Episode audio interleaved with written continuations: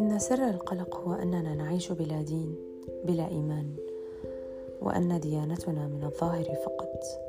كلمات على الألسن في المناسبات وصلوات تؤدى بحكم العادة. إن القلق مرض روحاني أصيل.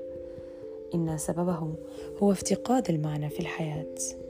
إن التفوق العلمي والمادي لم يصاحبه تفوق روحي. إننا عمالقة في أدواتنا وآلاتنا.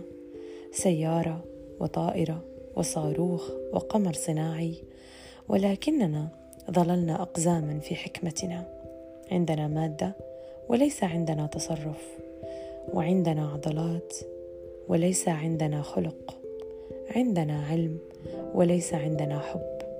حضارتنا فيها نقص خطير في الغدد في الهرمونات في المعنويات. وكلمة المعنويات تظل غير مفهومة دائما بالنسبة للإنسان القلق. إنه يعاني ويتعذب ولكنه يتمسح بأسباب عادية.